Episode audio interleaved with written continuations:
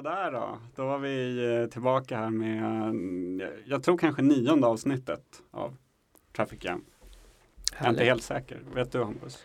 Ja, det är nog nio. Ja. Så, mm, Känns bra. mycket bra. Eh, med oss idag har vi Malin Westlund. Hej hej! Hej hej! Som har skrivit en uppsats på samhällsplanerarprogrammet på Stockholms universitet som heter eh, Rumsliga mönster, ojämlik stad. Som vi ska prata om om eh, en eh, alldeles liten stund. Men först ska vi ha nå- någon slags gnäll eh, på nyheterna. Yes, veckans stora nyhet. Linjefärg.se! Har alla röstat? Oh ja. ja. Det är RGB-värde 226, 47, 180. Nej, jag vet inte.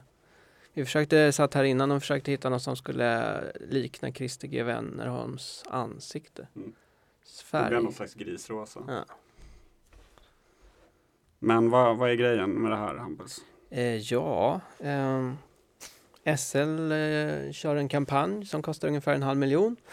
Ehm, man ska ha färg på den nya, jag vet inte om det kan kallas för linje, snutt. Kanske vi kan kalla det för en liten tunnelbanesnutt mellan Odenplan och Hagastaden. Och, Det är tre stationer. Alltså. Ja, precis. Kanske blir det en till. Mm. Men vi får se. Eh, och då ska ju stockholmarna såklart få bestämma färgen.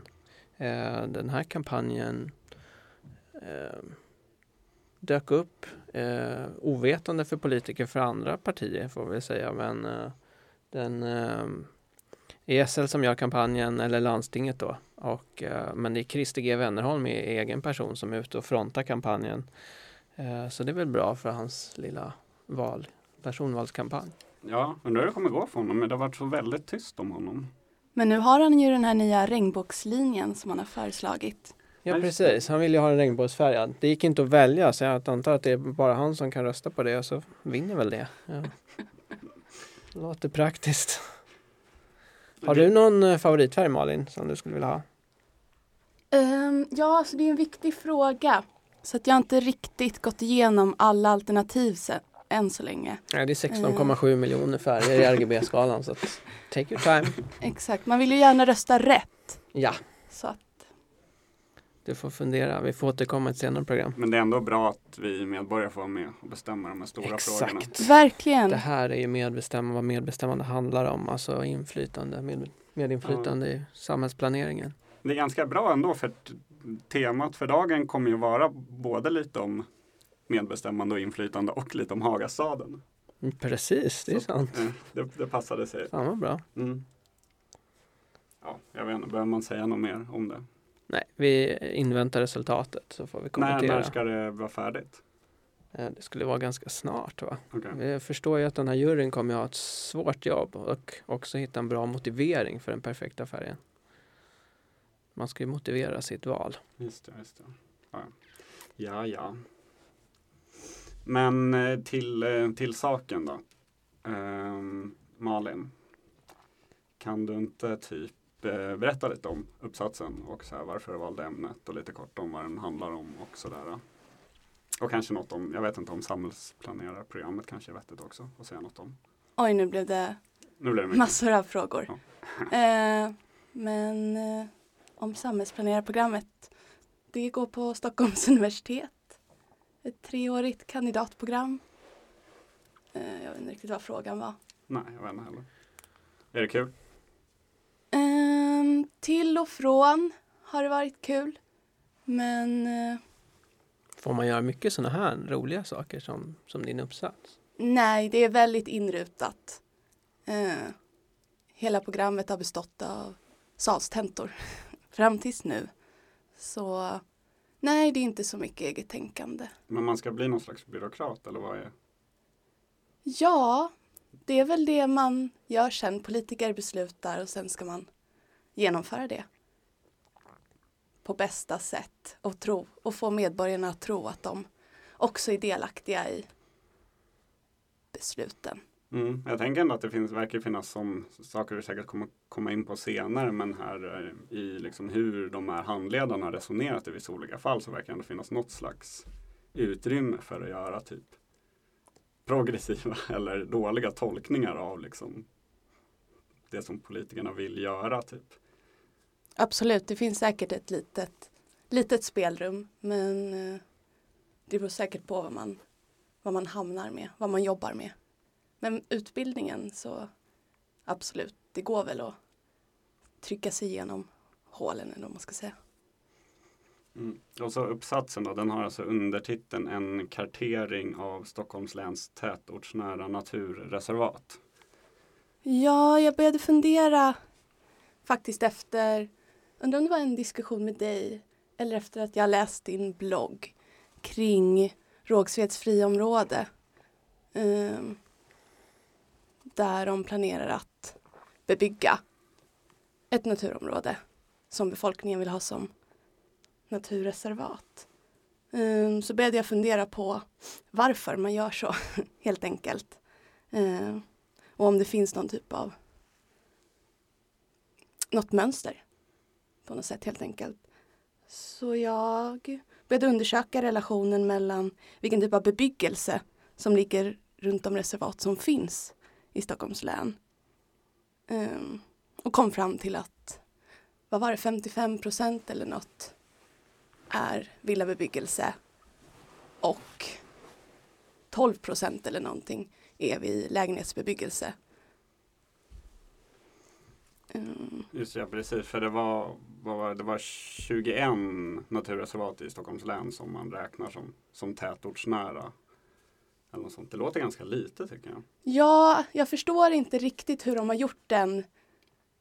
Det är Länsstyrelsen som har gjort den bedömningen. Um, och jag försökte fråga när jag var där på intervju men han hade ingen aning. Okay. Så jag vet inte om det är något godtyckligt som de bara plockat ihop. Men jag valde dem i alla fall. Någon avgränsning måste man ju ha. Um. Jag tänker när man läser den här så är det en så alltså, ovanligt tydliga resultat, tänker jag, för att vara ett examensarbete. Så här, um, är det någon som har, vet du om någon har, eh, alltså de här siffrorna tror jag att media skulle vara väldigt intresserade av. Att, alltså, det är så medialt gångbart, tänker jag. Har du, har du, vad har du fått för reaktioner generellt?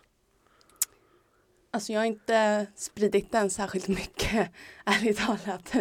Ehm, men eh, min handledare och examinator tyckte den var väldigt bra.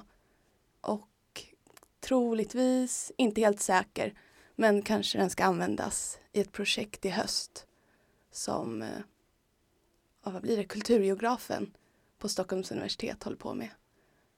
Men det får vi väl se. Vi håller tummarna för det. Nu ska vi se, vad var jag tänkte på? Jo, men det här med så man kan säga att den stora delen av uppsatsen är ju då att det är massa kartor över alla de här olika naturreservaten där man då kan se typ, så vad för typ av bebyggelse ligger i närheten av dem. Och kontentan då är väl som sagt att det det är mycket vanligare med villabebyggelse än med eh, flerfamiljshus. Men liksom, han du på något sätt gräva något djupare i liksom, alltså när har de här naturreservaten gjorts? Är de nya eller de gamla? Eh, liksom vilken politisk majoritet har bestämt kring dem och sånt där. Liksom, jag tänker att vad är liksom bakgrunden till att det har blivit så här? Jag har inte grävt jättemycket. Eh, på grund av tidsbrist framför allt och jag kom igång lite sent med själva karteringen. Men eh, när jag kollat lite på vilka år, vilka politiska majoriteter och även när jag pratat med Ulrika Egerö på Stockholms stadsbyggnadskontor eh, så har det visat sig att den politiska majoriteten inte alltid har varit jätteviktig. Eh, lite på senare år jag tror det var mellan 2006 och 2010 så stiftades inga nya reservat utan endast som var planerade sedan innan. Och många reservatsidéer eller utredningar lades ner. Alltså när Moderaterna fick makten. Eller Alliansen kanske man ska säga. 2010, 2006 eh, till 10. Så det, där har det ju spelat viss roll att det har blivit färre och färre. Men innan dess så har det inte spelat så stor roll. Och när man jämför mellan kommuner, till exempel Nacka har jättemånga reservat och det har varit moderatstyrt väldigt, väldigt länge. Så att där finns det ingen riktig, vad säger man, Kausa- kausalitet. Möjligtvis i Stockholms kommun, men inte i länet i stort. Okej. Det var mest också Stockholms kommun som hade de här reservaten i tätortsnära lägen. Var det inte så att de, de allra flesta låg väl i Stockholms kommun? Ja, Den är ju förstås störst också. Så precis. Det var sju eller någonting som tillhör Stockholm. Så absolut. Men sen har du ju kombinerat den här mera kvantitativa delen med en fördjupning av två områden i Stockholms stad. Ja, precis. Jag vill göra en jäm... eller visa på ännu tydligare hur, hur jag har tänkt. Så jag valde då Rågsved som är en typisk lägenhetsförort. Um, ett miljonprogramsbygge. Um, där det inte kommer bli ett reservat i naturområdet. Och sen i Älvsjö där de håller på att utreda reservat i halva skogen. Den delen som ligger mot villabebyggelse. Just det, men båda de områdena var väl sådana som alltså de har legat framme som förslag att de ska göras reservat av. Men eh, Ja, precis. Men Rågsved, där har de lagt ner och nu ska de ju bebygga. Medan Älvsjö är uppe på tapeten igen till att bli reservat. Men när man läser om den Älvsjö-caset så är det ju ändå känns otroligt uppenbart liksom att Alltså där blir ju kanske din tes som tydligast att vi har ett område som har höga naturvärden och högst naturvärden faktiskt den delen som ligger närmare flerbostadshusen. Mm. Och ändå liksom så, så skil, det som skiljer dem åt är en, en är pendeltågslinjen och där liksom går det som en gräns där man kommer att liksom göra reservat på den sidan som ligger på villorna och den andra vill man ha kvar. Man säger öppet också att det är för framtida exploatering. Ja, precis. Men, how can they get away with that? inte, det är ofattbart nästan. Vad är det som gör att det inte liksom händer någonting konstigt när man säger så? Ja, bra fråga.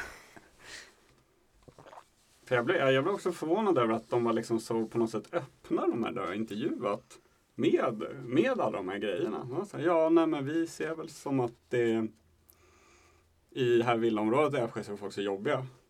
För att de har typ så här kulturellt och socialt kapital så att det är inte värt att bråka med dem. Men de, de är åt Hagsätra-hållet kommer liksom inte göra något motstånd så där kan vi strunta i det typ. Ja, det var... Jag vet inte, hon pratade ju lite som att de tänkte så, politikerna, eh, hela tiden. Så, men båda två som jag har intervjuat, även en på Länsstyrelsen då, var väldigt öppna på något sätt. Men jag ställde inte så kritiska frågor egentligen, utan vi pratade mest bara. Jag hade inte så mycket frågor med mig. Så sen tog jag med det som jag tyckte var intressant. Så det var inte... Men hon berättar ju även att man har tänkt precis tvärtom tidigare. Att det har funnits tillfällen när man har tänkt precis tvärtom. Att här ska vi ha reservat för att stödja de som kanske inte kan försvara sin grönmark själva. Det är liksom raka motsatsen. Ja, det är väl ganska tydligt om man tänker i samhället i stort. Skiftet mot ett så här allt mer nyliberalt samhälle. Eh, ja, men tänkandet liksom. Ja, men det var liksom ändå det bara typ i början av 2000-talet. Det, det stod inte riktigt någon exakt. Vilka, vad var det för reservat då som, som var på tapeten som instiftade? Bland annat Nackareservatet, Nacka och Grimsta. Stockholmsdelen. Nacka och Grimstaskogen? Grimsta och sen var det väl Sätraskogen Just det. och Är det, ja, det vore ju faktiskt jätteintressant att titta på vilka um, Handelskammaren vill ju att man ska riva upp. Där vet jag att Sätra i alla fall är ett av dem man tyck, de tycker att man ska riva upp. Okej. Det, det vore ju intressant att titta närmare. Ja, det ligger ju längs vattnet Ja, också. precis. hela det är en vägen sån ut god längs. bit där liksom. Där man dessutom vet att det kanske inte är så många som skulle kunna bråka. Ja, å andra sidan de bostäder som ligger längs reservatets kanter om man ska vara petig. Det är ju mer radhus och villor Ja. faktiskt även där. Ja, just det. Och sen Okej. lite längre in mot tunnelbanorna så är det ju fler Mm. familjshus i större utsträckning. Det är bra att ha de här radhusen som en sån barriär mellan. Buffertzon. Ja, Alltså, precis. Det är lite så som det kommer bli i Rågsved också. Det är väl ganska ofta så här när man ska göra naturreservat så är det massa bråk och sen blir det alltid en så här ungefär som en militär konflikt, att man gör en sista. Liksom, ja vi kapar åt oss det här och sen får resten bli reservat. Liksom. Att man ska alltid ta en sista godbiten då, och den, där blir det ju liksom knappast flerbostadshus utan då då liksom tar man en stycke där för, för radhus eller så. så. Ja, precis. Det fascinerar mig ändå att det kan ha ändrats så mycket även liksom inom byråkratin så att säga. För det här, eller min uppfattning var att när man då gjorde Grimstaskogen och Nackareservatet så att det där kom ganska mycket från byråkratins håll. Att man tyckte att så här, vi pushar lite extra för de här utan att riktigt kanske säga exakt vilka motiv man hade till det. Men jag tänker också att Stockholm har ju växt väldigt, väldigt mycket. Oh. Alltså bara de senaste 10-20 åren. Eh, så att förut så kanske man var mer öppen till reservatsbildning i allmänhet. Och så känner man så här, vi behöver lite naturreservat, vi måste skydda områden. Eh, vi låter experterna, byråkraterna ta fram så här, vilka områden som ska skyddas och så gör vi reservat av dem. Idag så är det ju bara bygga, bygga, bygga, Mm. bygga. Vi måste gå med vinst, måste bygga massa överallt. Mm. Vi måste förtäta varenda liten millimeter. Vi har faktiskt ställt frågan till andra gäster, också till dig. Vad, tror du, vad, hur ser du att hur ser du framåt? Tror du att det här kommer liksom stå, kvarstå den, att det är där vi är nu eller kan det liksom pendeln svänga tillbaks? Och vad skulle få den att göra det? Jag vet inte riktigt. Det är klart att så här att valet i höst, att det kan skifta mer till vänster eller vad man ska säga. Um, Vänsterpartiet och Miljöpartiet är väl mer för reservatsbildning. Um, om man pratar litet. Uh, I stort så vet jag inte, då måste man väl tänka om kring planering i huvud taget, vad man planerar för. Um, om det är för livet i staden eller om det är för utvidgningen av mervärde och kapital. Alltså det, det är väl ganska... Men liksom, alltså, jag, jag, jag tänker som i Alltså, mm, jag, jag kan ju förstå tanken att så här, ja, vi vill inte ha, vi vill inte binda upp massa mark i naturreservat för att vi behöver bygga mer bostäder i staden. Men i varje fall som det är i Rågsved, även som, som det är typ där i Larsboda i Farsta och så. Där är det ju bara radhus man vill bygga. Så det är ju inte ens några bostäder som det är ju inga bostäder som kommer byggas ändå liksom. Nej, det är sant. Jag skrev väl lite grann om det, inte just om det kanske, men att radhus är ofta till för att göra områden attraktivare eller höja värdet på marken. I Rågsved är ett jättebra exempel eh, där man har alltså flerfamiljshus, lägenheter eh, och genom att bygga dit lite radhus så kan man få in medelklassen. Det höjer områdets markvärden. Ja, och sen har man en gentrifieringsprocess på gång. Inte kanske exakt så lätt, men eh, någonstans så är det, handlar det ändå om markvärdet på hela området, att man kan få upp priserna. Ja. Uh, ska vi spela en låt? Jag tror vi ska varmt. spela en låt. Är Vi jävla måste ju berätta alltså. att vi, vi har liksom en naturlig begränsning hur länge vi kan prata Ja, innan vi är säger typ till slut. Den är typ nu. 15 minuter. Och det har gått Nu kör vi en 15 riktigt minuter. deppig låt tycker jag. På det. Det låter bra. Uh, ska vi se här. Gud, ja. Sådär.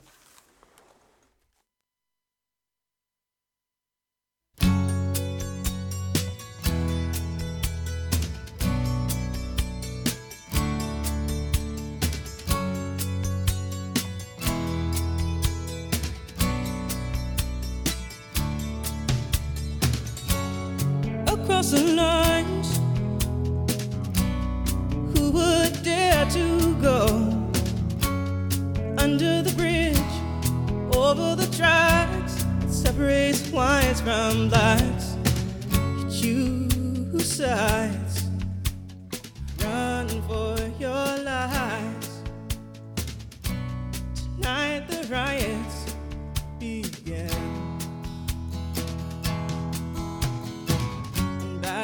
of America. They kill the dream of America.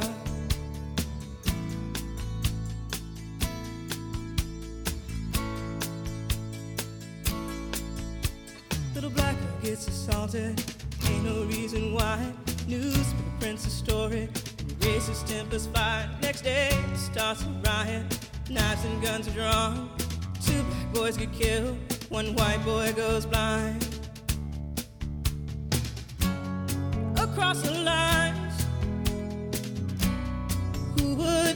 To go under the bridge, over the tracks separates whites from blacks?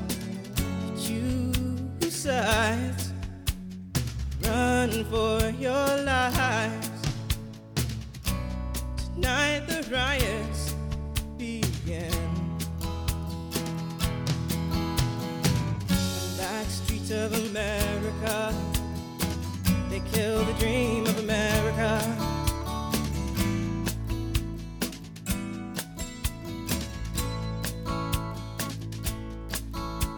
Little black girl gets assaulted. No one know her name. Lots of people hurt and angry. She's the one to blame. Across the lines, who would dare to go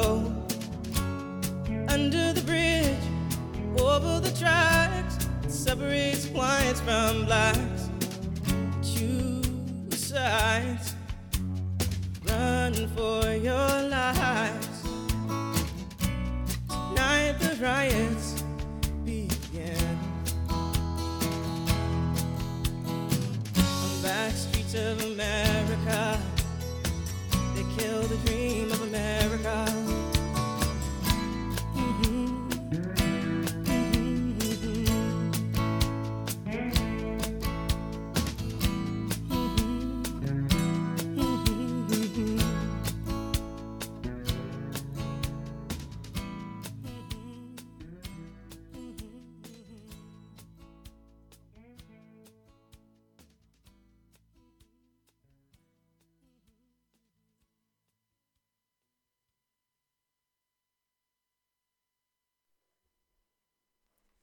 Sådär då.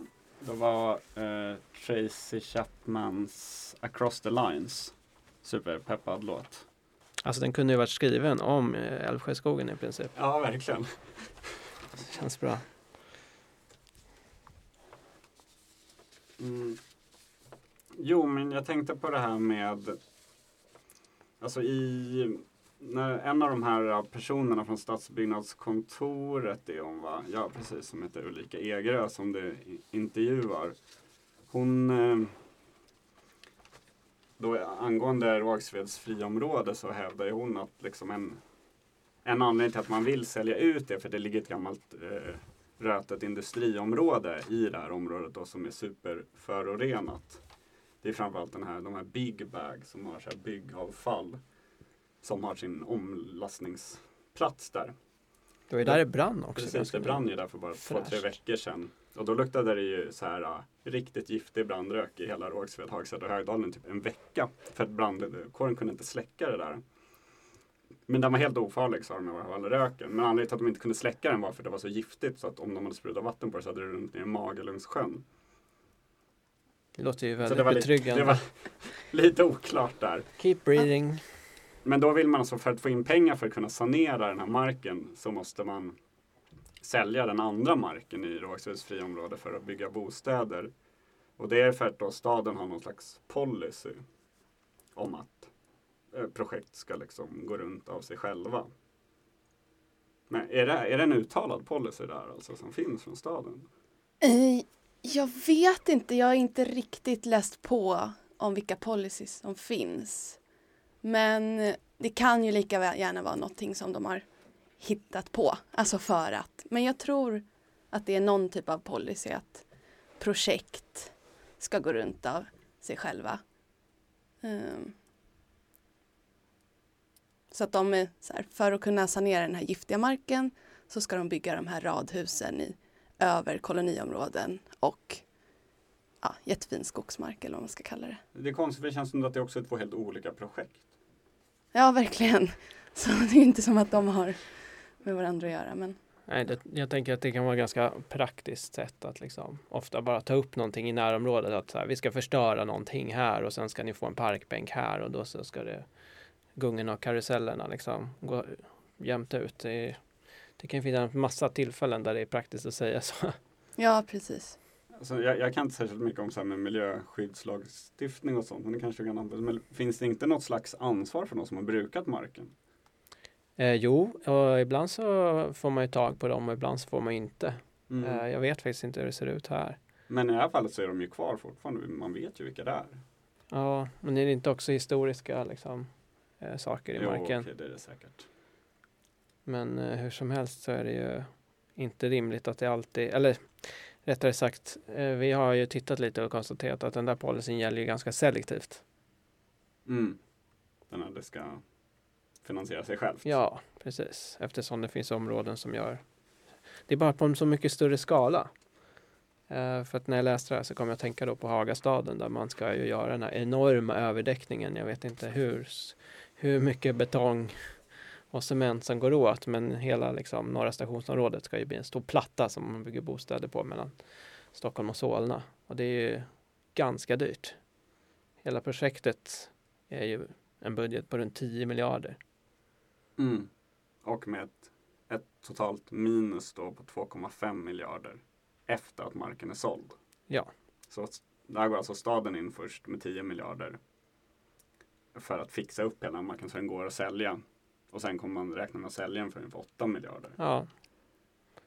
Vilket betyder att det är ett minus på 2,5 miljarder som, som ska skattefinansieras. Så att det här är uppenbarligen så att den, det har inte gått att räkna hem överdäckningen. Men då kan man liksom säga att jo, men det är så viktigt att bygga ihop Stockholm och Solna. Och, så att det verkar vara lite som när det passar att man använder sig av de här. Ja, dessutom, man kan ju inte alltid i en stad eller någonstans ha projekt som alltid måste gå plus eller plus minus noll. Alltså det är omöjligt. Ja, men alltså ta Förbifart Stockholm eller ta vilket bygge som helst. Ja, möjligtvis bostäder då, eller mark kan man sälja ut. Men det finns ju inte andra projekt som kan gå plus minus noll alltid. Alltså, Alltså det är ologiskt. ett, ett samhälle, en kommun eller en stad eller vad som helst är väl inte liksom en vinstdrivande maskin utan det är ju, den är ju där. Samhället är ju för samhällets invånare. Ja, och man får ju in massa pengar på skatten hela tiden. Ja. Om, det, om allt går plus minus noll skulle man inte behöva ta någon skatt i sådana fall. Nej, precis. Då skulle det vara liksom Fast det AB. kanske är det de vill. det är Ja, sant. precis. Det är där de vill hamna. Alltså. Ja, precis. Men det kommer alltså vara en, en halv miljon för varje bostadsrätt i Hagastaden Ja. kommer vi skattebetalare betala. I första ledet och sen Ja. betalar vi ju en sådär 50 000 om året i ränteavdrag till de som flyttar dit också. Det Ja. känns bra. Det är härligt. Och de får ju också en tunnelbana dit som vi betalar. Så om man räknar med den så blir det jävla mycket minus för det där projektet. Ja. Sen ska de ju betala skatt såklart. Men det vore verkligen, det vore som en fördjupning att titta på nästa steg på just så här olika områden. Hur, eh, där, var får det kosta och var får det inte kosta?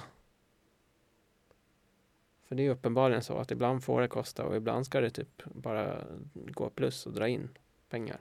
Ja, precis. Ja precis, för de hade här, det var, var det Mitt i Söderort som hade den här äh, den här artikeln om Hagastaden som var väldigt intressant. Det var ju flera andra grejer som var väldigt dyra. I så här projekt som går med mycket minus. Bland annat Danvikslösen och Hammarby Sjöstad har de med på den här listan också som tillsammans går med typ en miljard minus. På grund av olika överdäckningar och flytt av vägar och så vidare.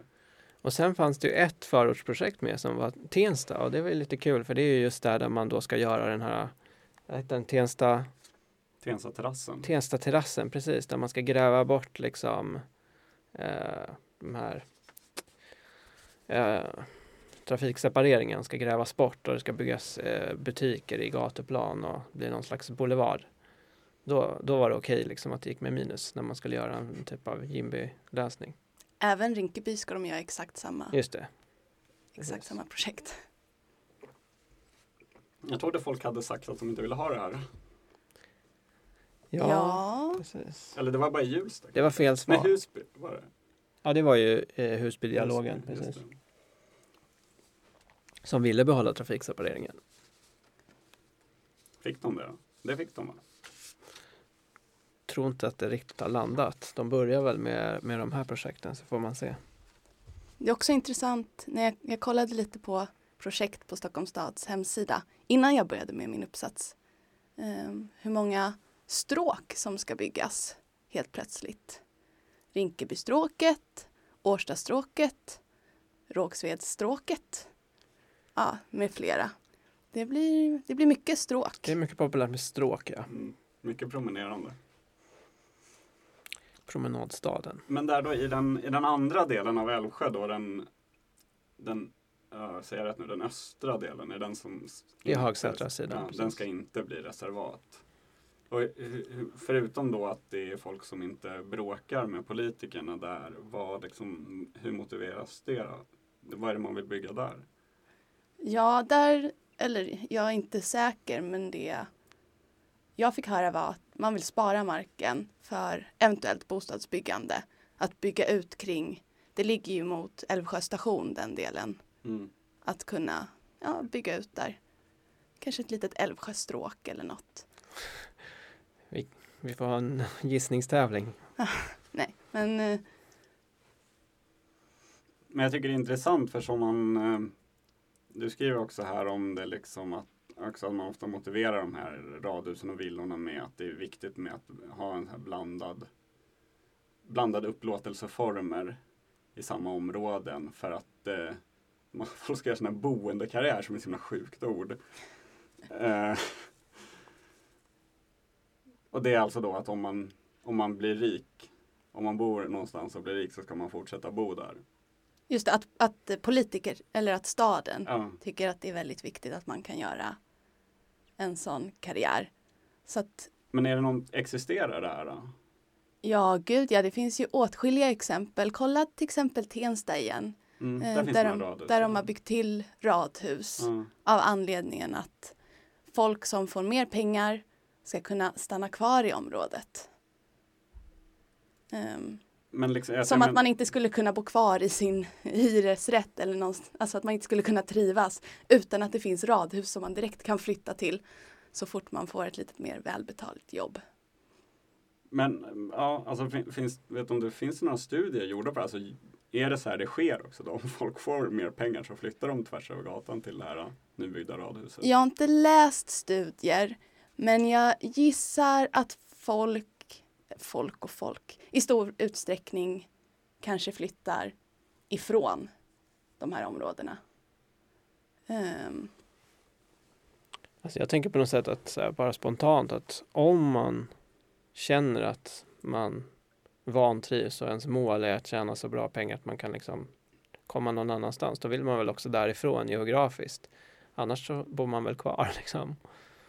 Alltså, då finns det säkert något ännu tjusigare man kan flytta till. Eller liksom. Ja, jag tänker vi lever ju i en segregerad stad, så är det ju. Eh, den kommer inte bli mindre segregerad bara för att man bygger lite radhus här och var. Där det bara är flerfamiljshus. Det, är- det är ju inte det segregering handlar om. Ja, det, det finns ju redan ett gäng radhus som, som tangerar Rågshusfriområdet som kan vara byggda för en tio år sedan ungefär. Jag vet inte exakt men det ser ut som det. Och de känns ju bara mycket mer som Huddinge än resten av Rågsved. De ligger ju superavskilt från Rågsved vilket ju det här nya också kommer göra. De ligger mycket närmare Huddinge vilket det nya också kommer göra. Och det, när man går där så känns det ju bara som att man är i Huddinge, i villaområdet i Huddinge, inte i Rågsved. Vilket också är intressant för politikerna i Rågsved vill ju väldigt gärna, högerpartierna i alla fall, ha de här radhusen.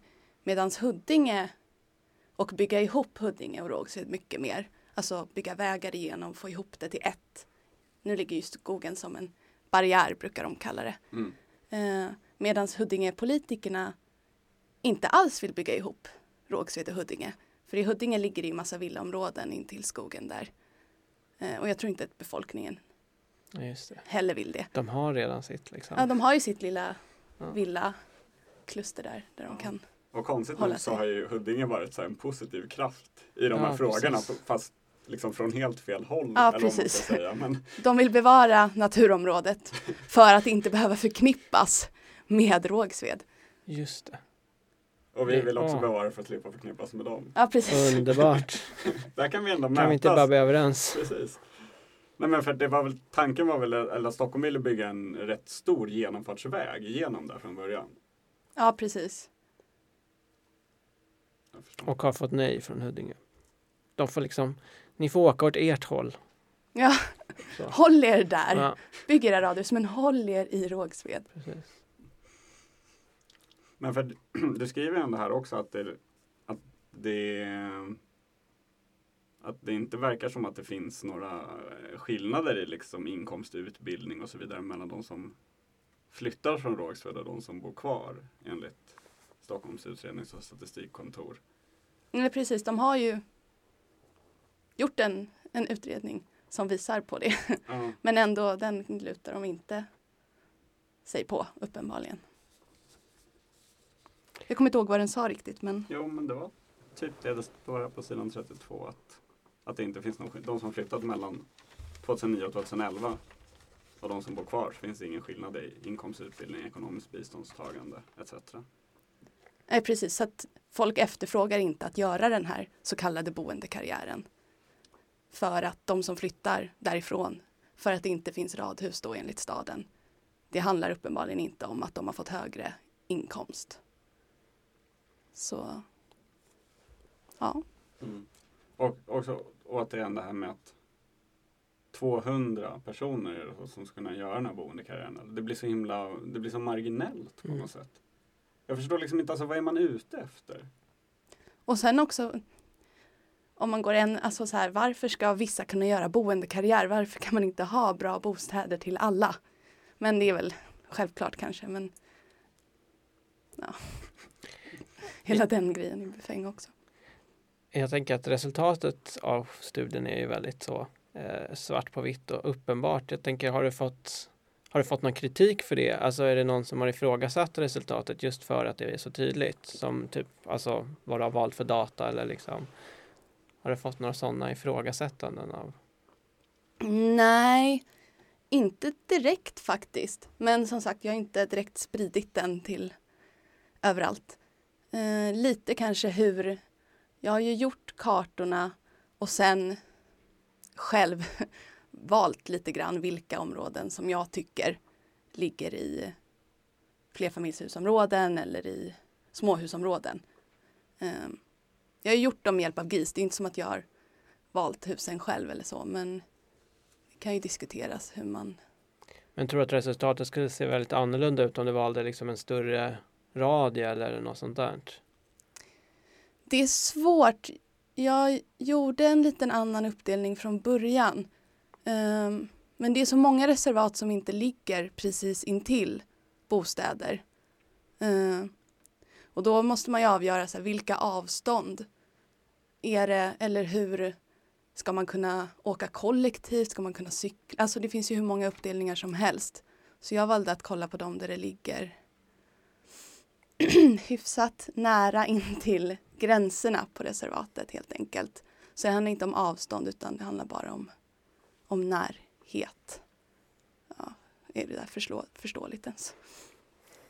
Ja, det tycker jag. Men det är, alltså, det är ju verkligen otroligt fascinerande med sådana här. Det finns ju väldigt mycket teoretiskt skrivet om så här geografiska orättvisor och miljörasism och hur det ter sig. Men det är sällan man läser någon som liksom bara, så, ja men vi tittar på de här sakerna. Och det, alltså att det blir så, det blir så extremt tydligt. Det är nästan löjligt. De, de få sakerna jag läst om, om så här liknande grejer är ju då kring hur man bygger, när man bygger vägar, vad man däckar ner och vad man låter gå i, i ytläge.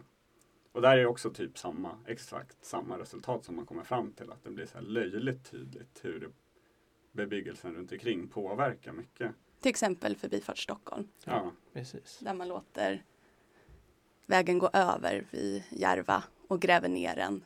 Är det vid Ekerö och Ja, andra precis. villaområden? Mm.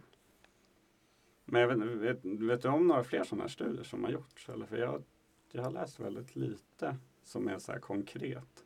Det är mest fluff liksom, och så här ord och teorier och sånt när man läser sånt här tycker jag.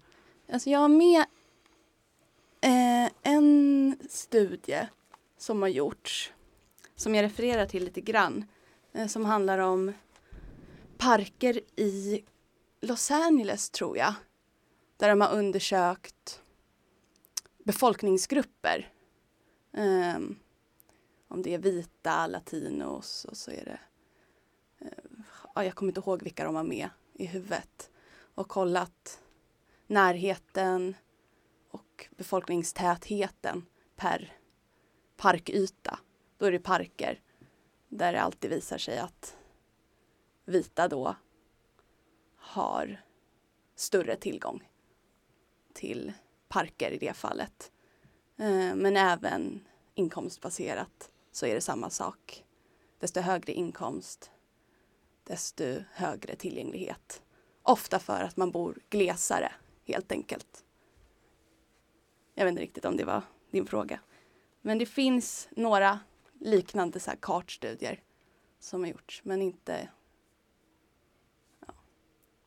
Ja, det, för det känns ändå som att sen är det klart att om folk är moderater så är de väl moderater och då kanske de inte bryr sig. Men, men jag tror att det är många som inte riktigt Alltså man tänker inte på de här frågorna. De är så, därför att de är så de är så abstrakta på något sätt. Det, liksom, det krävs verkligen att få se dem på sådana här kartor för att, för att förstå hur, hur sjukt, att varje enskilt förslag verkligen är mycket sjukare än vad det bara framstår på något sätt. När, I den större bilden så blir det ännu, ännu konstigare. Verkligen, det går inte att se. Det här går inte att se utan att göra en karteringsstudie. Man kan ju ana eller man kan tycka, mm. vilket var det jag gjorde mm. innan jag gjorde studien. Eh, vilket fick mig att göra den. Man kände ju ändå på sig att det kunde vara så här. Ja, precis. Men jag tror att man ändå kan bli liksom rätt överraskad över att resultatet är så flagrant. Liksom. Ja, min handledare blev väldigt överraskad. Han ja. trodde absolut inte Nej. att jag skulle få något resultat. Kul. Eller ett resultat skulle det alltid bli, men inte så tydligt Nej. kanske. Mm. Men sen, eh, kan någon av er någonting om det här med naturreservat egentligen? Alltså vilket liksom hur pass stort blir det juridiska skyddet om man inrättar ett naturreservat egentligen? Det är en lång process för att upphäva okay. ändå. Eh, det är lite krångel. Det är väl det, man sätter som en, upp ett, ett hinder för sig själv liksom. Men det, allt går ju. Så är det Det är inget liksom, skydd för all framtid. Det är ingen nationalpark eller så. Och jag tänker till och med Djurgården, alltså som är en, vad heter det, nat Ekostads, ja det är ju Nationalstadspark princip, ja, ja, precis. Den till och med där ska lag. de ju bygga lite förbifart Stockholm. Ja. Så till och med det har de ju upphävt på en liten bit. Precis. Så ingenting är ju det helt Det går skyddat. alltid att nagga och göra undantag och rucka liksom. Så är det. Vad ska man göra? Vilka fler områden finns det som är i Stockholm som man borde uppmärksamma? Som är ställen som kanske borde, alltså som är hotade?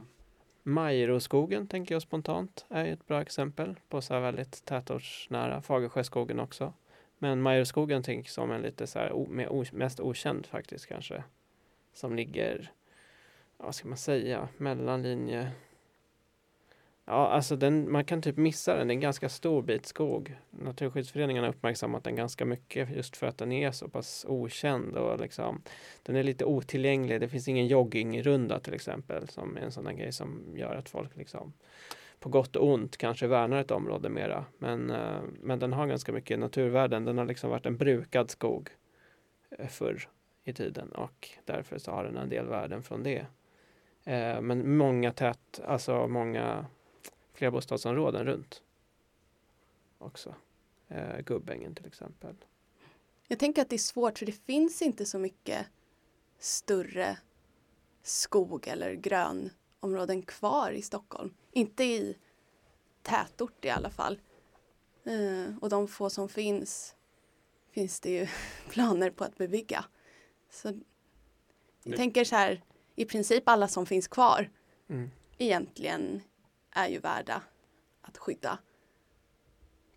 Men det är, ändå, det är väldigt mycket tjat om de här grönområdena från folk som inte gillar dem.